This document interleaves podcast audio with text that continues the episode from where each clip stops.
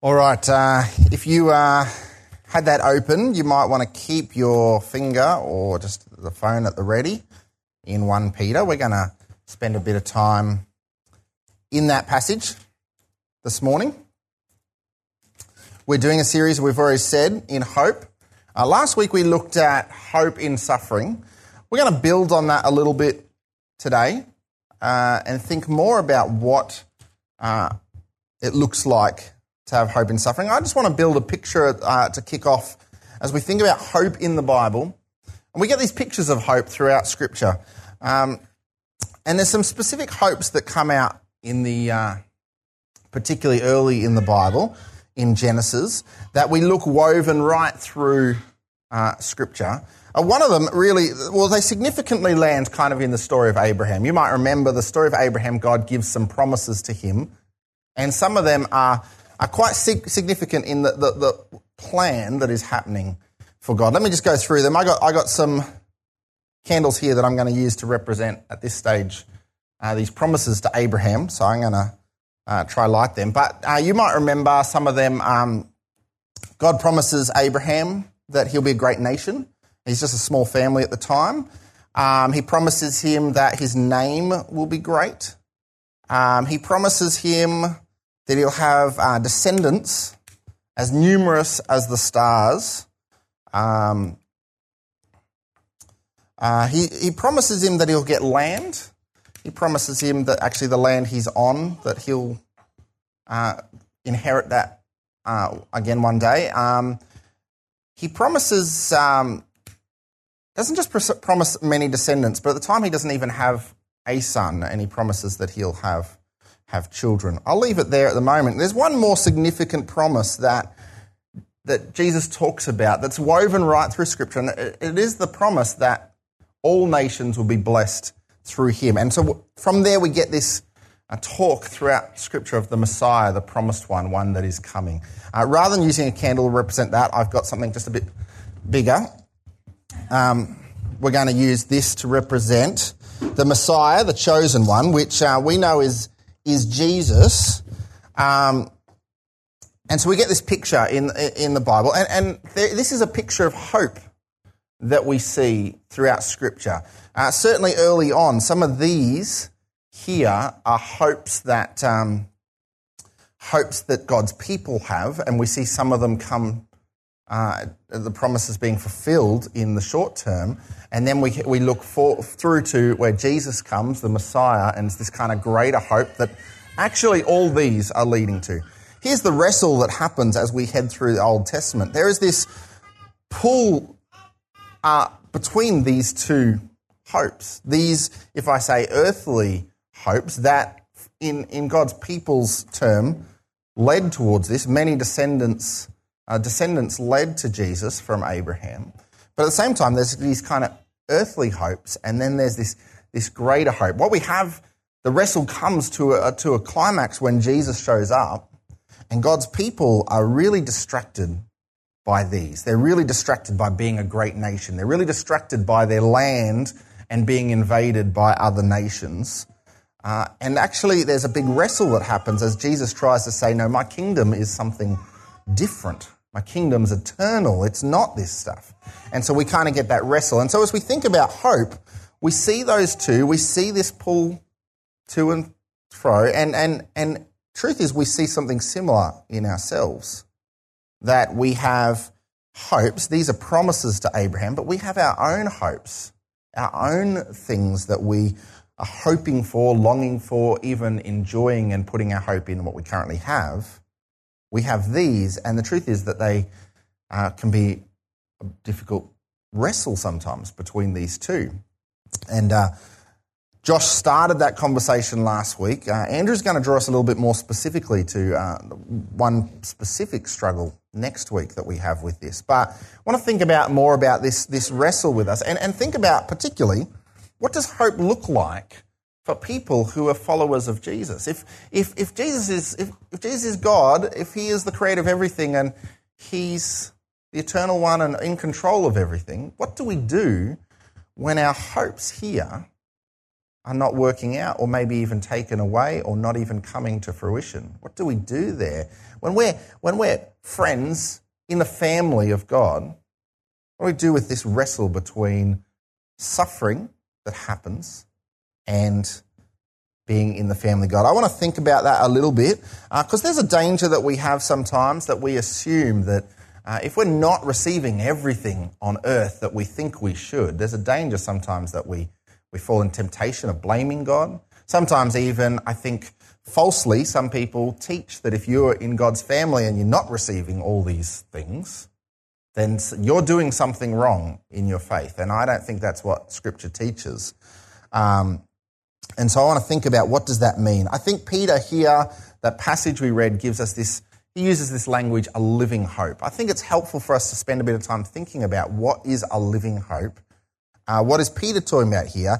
How does it relate to day to day life? And how do we cling to, how do we live in a living hope? That's where we're going this morning. I'm going to spend a bit of time on that. And I'm going to kick it off thinking about what is a living hope. Peter has used this phrase, a living hope. What is this living hope? If you have your Bibles there, I'm going to ask you to do a bit of work with me as we run through uh, 1 Peter 1.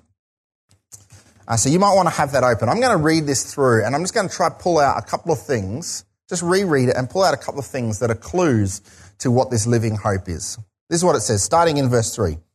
Praise be to the, to the God and Father of our Lord Jesus Christ. In his great mercy, he says, he has given us new birth. Okay, the first thing, He's given us, past tense, new birth. It's something new. It's something to do with new life. It's something to do with, uh, we use a phrase like a transforming new life. So he's given it to us. It's past tense. It's already happened.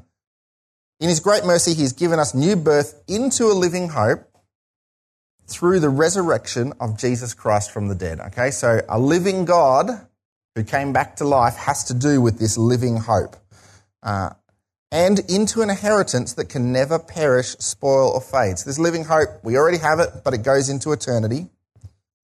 This inheritance is kept for you, who through faith are shielded by God's power. So God is holding on to us in some way. This living hope is not just given to us, it's not just something we look forward to, but it's also something that God is holding on to for us until the coming of the salvation that is ready to be revealed in the last time. And he finishes, uh, I'll finish with the start of verse 6. In all this you great, greatly rejoice. So this responds in rejoicing. It responds in this kind of joy. So that's the picture we get. It's something we've received. It's something that's transforming us, new life. It's something that we're going to have into eternity. And it's something that God is holding on to us. What is this living hope? How do we kind of pull that together? I think what Peter is talking about here, the living hope, is a transformational relationship with God now and into eternity. That's the living hope that Peter is talking about. It's a transformational relationship. It's not just a dormant relationship, it's a relationship that affects us with God now. It's not something just in eternity, but it continues into eternity. That's the picture of a living hope. That's what Peter is talking about here when he, he starts his letter with this reminder about this living hope. That's what it is. So, if that's the living hope that Peter's talking about, the question for us is uh, how does that relate to our lives? Particularly, if we got this transforming relationship with God, how does that relate when things don't seem like they're going to what you would expect God's plan to be. When we meet suffering and we say, what do we do with that? Like, I got this living hope, this transforming relationship with the creator of the universe. How can that be true? And I also have so many suffering things in my life, so many things that I have to wrestle with. Uh, the first thing I think we need to draw out of this is that uh, the way Peter talks about this living hope is that it's not separate to suffering. It's not something that there's not it's not two separate things, but these two things can coexist. Look at what he said there, verse six. Uh, he says, talking about the living hope, in all this you greatly rejoice, though now, for a little while, you may have had to suffer grief in all kinds of trials. Peter is saying there is two things happening here. One, the living hope, to suffering in these trials. And those two things sit side by side. He's saying you greatly rejoice and you suffer grief. And both those things are happening. We've already received this living hope and we face trials. It's not you were rejoicing and now you've got trials because you're a follower of Jesus. It's not life was difficult and now you're rejoicing because you've got Jesus. What he's saying here is the two are the same. It's not even you have Jesus and suffering, and you, sorry, you have suffering and you will rejoice one day. Peter's saying, no, these two things are happening together. These two things for people who follow Jesus coexist. That we both rejoice in the living hope and we meet uh, times of trials, times that cause us to suffer. If I can talk a little bit about what that suffering looks like. Like, like I, I want to transition away from Abraham and think a little bit about what these earthly hopes look like for us. If you imagine these are earthly hopes that we have, and there's lots of things that we put our hope in, things that we hope will be, but things that we already have that we're putting our trust in, things that we uh, enjoy. Uh, things like financial security. Uh, there's times where we trust in financial security, and there's times where suffering comes because uh, financial security is taken away from us. Like times where we lose a job looking for work, uh, having financial difficulties. Uh, there's hope we put in our family and um, people that we rely on, people that we uh, look to just for joy, even. Uh, and we know in this world that those things don't last. Uh, and when that comes, well, we meet suffering. Um, we um, have things that we um, we have uh, like our um, reputation, uh, friends, how we uh, how people think about us, and when that comes, we, when that goes, we meet times of suffering. Uh, these things are things in our life that we put our hope in. Um, in fact, I've got one here I haven't lit. Because the truth is, sometimes our hopes are actually in things that our, our grief comes from hopes that were never fulfilled, things we thought we would have, uh, and we just didn't have, never got. And so that uh, is an emptiness in us just like something that we had that was taken away. One of the wrestles with suffering, and suffering is a complicated thing, and there's many aspects to it things that didn't come to pass, things that have taken away. But when it comes to suffering, the things we put our hope in, in earthly terms, uh, will always pass away. I mean, the reason I use candles, there's something uh, finite about candles, right? if I hadn't blown them out, they were going to go out eventually anyway. That is the nature of earthly things. And when we put our hope in earthly things, when we meet suffering, it leaves us with uh, a loss. That is the part of the pain that comes, is the loss in those things. That is the grief that comes. What happens when we think about a living hope? It's not simply this uh, distracts us from those. But the way we see uh, the hope in Jesus go is that this shines on through those things. And so, uh, part of the picture we get is not just the two coexist, but that we can lean into our living hope in times of difficulty. But we still grieve. Let me say, I think it's right and appropriate for us to have sorrow. It's wrong for us to think because I'm a Christian, because I have a living hope, I can't have sadness or sorrow in my life. That's clearly not true. And we, we clearly face this suffering. Uh, Josh mentioned it in the sermon last week, but we, we look at stories like Job in the Bible and how he responds. You might remember the story of Job right in the first chapter. Uh, he's a fairly wealthy guy and he just loses everything. He loses his family, he loses his property, his houses, his cattle, his livelihood. Uh, he loses his health. He's sick, and he, he just has this, everything has been wiped out for him. And we see how Job responds to that. Uh, we're told right at the end of that first chapter that he tears his clothes, he shaves his head, and he grieves. He cries out. And we're told very specifically in the very next verse it says, In all this, Job did not sin. It is right for us to grieve, but not simply grieve, but at the same time as we grieve, to put our joy in the Lord. This is the words of Job. After he tears his clothes, shaves his head, this is the words of Job. He says, The Lord gave and the Lord has taken away. May the name of the Lord be praised. What a powerful thought to think through in someone that has lost everything to say in that moment, I still want to put my praise in the Lord. And so it, we're told in all this, he did not sin, that he is faithful to God in that moment. And so we see the two coexist, and it's right to grieve, but at the same time, this living hope still exists. It's an eternal thing.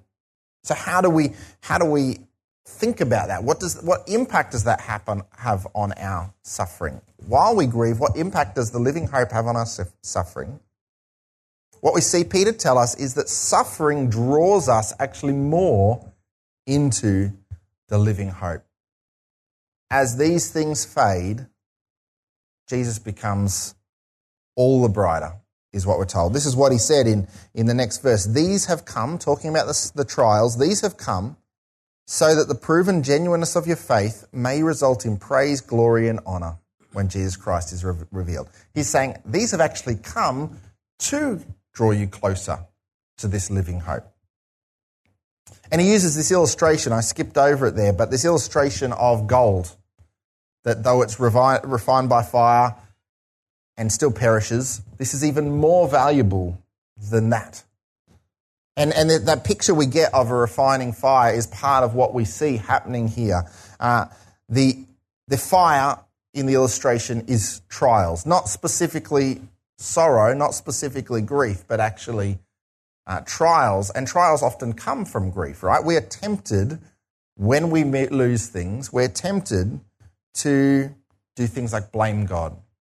We're tempted to um, start putting our hope in other things. We're tempted to uh, be angry and, and re- not trust in God. These are trials that come when we meet grief. And in those trials, God is drawing us to Him, to the living hope. In fact, we see this great contrast in the story of Job between Job and his wife. In chapter 1, Job says, The Lord gave and the Lord takes away. Praise the name of the Lord. In the very next chapter, his wife, seemingly the only family member still alive, uh, comes to him. And he's clearly lost her as well along the way. You can tell by her words to him. He's saying, Praise God despite the grief. She says, fairly heavy words from his wife. Why don't you curse God and die? Right? So she's still alive, but I don't think their relationship is, uh, is real solid. Um, so he's essentially lost her as well along the way. Uh, there's this great contrast, isn't there? He's saying, God gives, God takes away. I'll still praise him. She's saying, you know, I'll get rid of God even, get rid of everything. There's nothing left. Uh, we have this great challenge to cling to the living hope in the way that Job does. And as we do, as we cling to it, God is drawing us closer to Him. Let me use an illustration to, to, a story to illustrate that. Um, as many of you know, uh, our son Jet was born with a, a heart defect, and um, when he was born, we had surgery. Uh, he had to have surgery in the first few weeks of his life. Uh, and there was certain grief that Susie and I went through in that process. Um, you know, the surgeons said to us, you can't say any surgery is 100%, what they said was we can't say it's 100% successful. We can say we've had a 100% success rate, right? Uh, they're different things, but there's that there's a journey that goes in that process of, of the what ifs. Um, there's a journey of just knowing beforehand, knowing the, the suffering that uh, Jet was going to have to go through and watching that and watching the process and him healing. In that time, uh, was, was actually, while a great time of grief for us uh, as a family, as a couple, uh, also a great time of intimacy as a couple. Right? There were some, uh, as we went through that journey together, and we, we virtually lived at the hospital for that time, um, that was a journey that, that significantly is a, joy at the same time as a great grief. Uh, there's something similar we see here as we think about putting our hope in Jesus. It's not that hope in Jesus distracts from the suffering. It's not that uh, we just need to not suffer and pretend everything's okay because we have Jesus. But in our suffering, when we are putting our hope in Jesus, he, he grows us through that suffering that we are drawn more to the living hope and his light grows all the more brighter while we are in the middle of that loss. And so we want to cling to that living hope. I, I had an experience a number of years ago. We had a, a fam, uh, friends um, of ours who were uh, trying to conceive. Um, they were in our Bible study group, and we had been praying with them for a long time to, to conceive. They finally fell pregnant and then they had a miscarriage. Um, and we, we shared some of that journey with them. I remember a Sunday where I was uh, on band. I was on band, playing in band, and we were singing a song. We were singing the song that's actually based on Job's words. So the, the, Chris, the, the Blessed Be Your Name. The refrain, refrain in it is, You give and take away. An incredibly hard song to sing um, at a difficult time because it's incredibly hard words to say and own in a difficult time. Uh, I remember looking out on this couple as we sung it, highly aware of uh, the situation and, and how they might be feeling. Uh, I remember looking on particularly the wife, she had tears running down her face, and at the same time, singing with joy as she leaned into the living hope that she has in Jesus. To say you give and take away and still I want to praise your name. That's the picture we get here that Peter is encouraging us in of this living hope. So that is the living hope. The question for us is how do we live in living hope?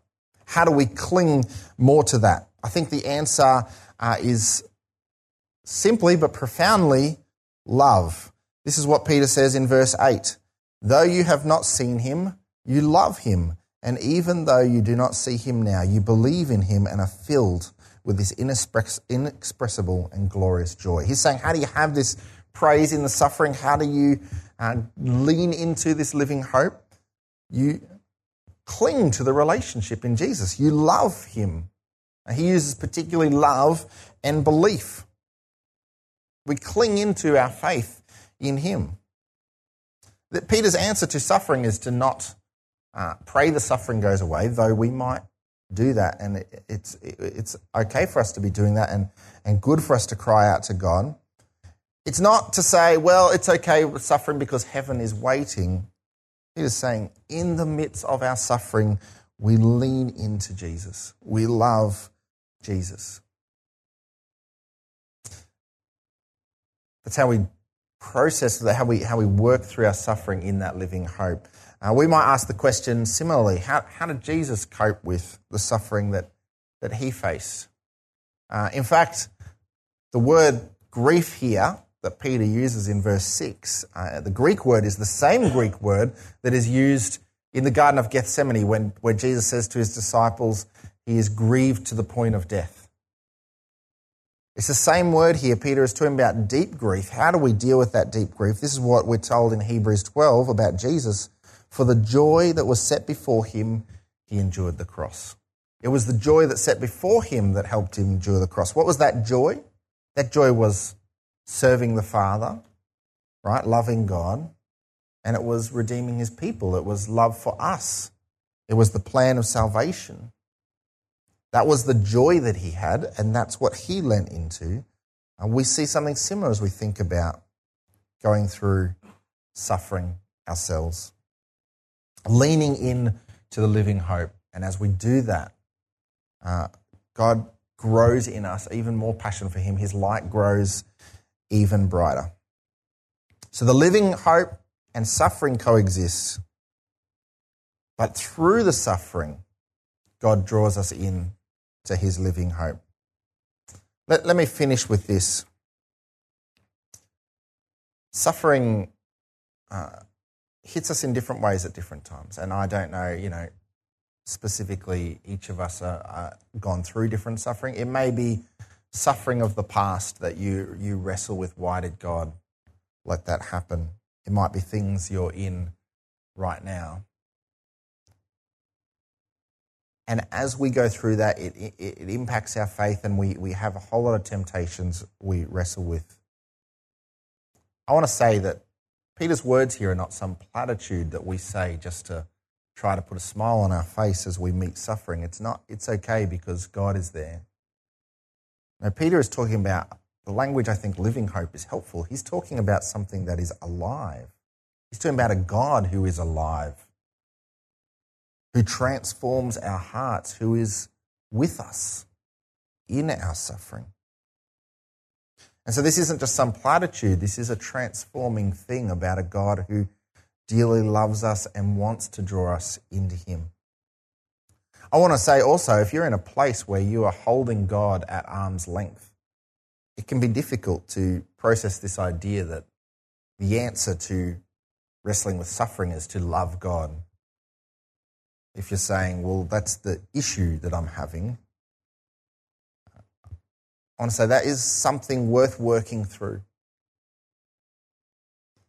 Uh, that this is we're talking about the creator of the universe who the bible describes as love uh, you imagine go, the times you go in through suffering and you're surrounded by loved ones who support you in that that's only a glimpse of what it is for god who is love to be with us in our suffering and i want to say that if you don't come to christ you cannot experience this eternal joy that comes through Christ.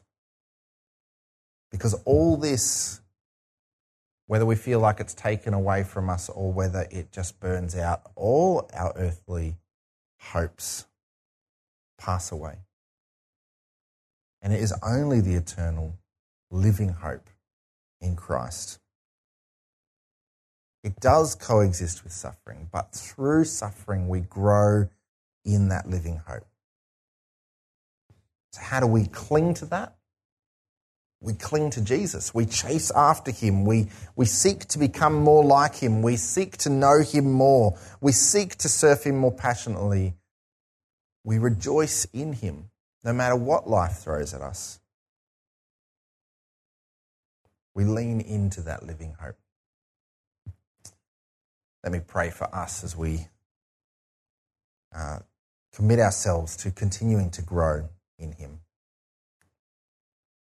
Father God, we thank you that we know you're all powerful, sovereign over all, and, and we know that uh, when suffering comes, it, it can lead us into all kinds of trials in our faith.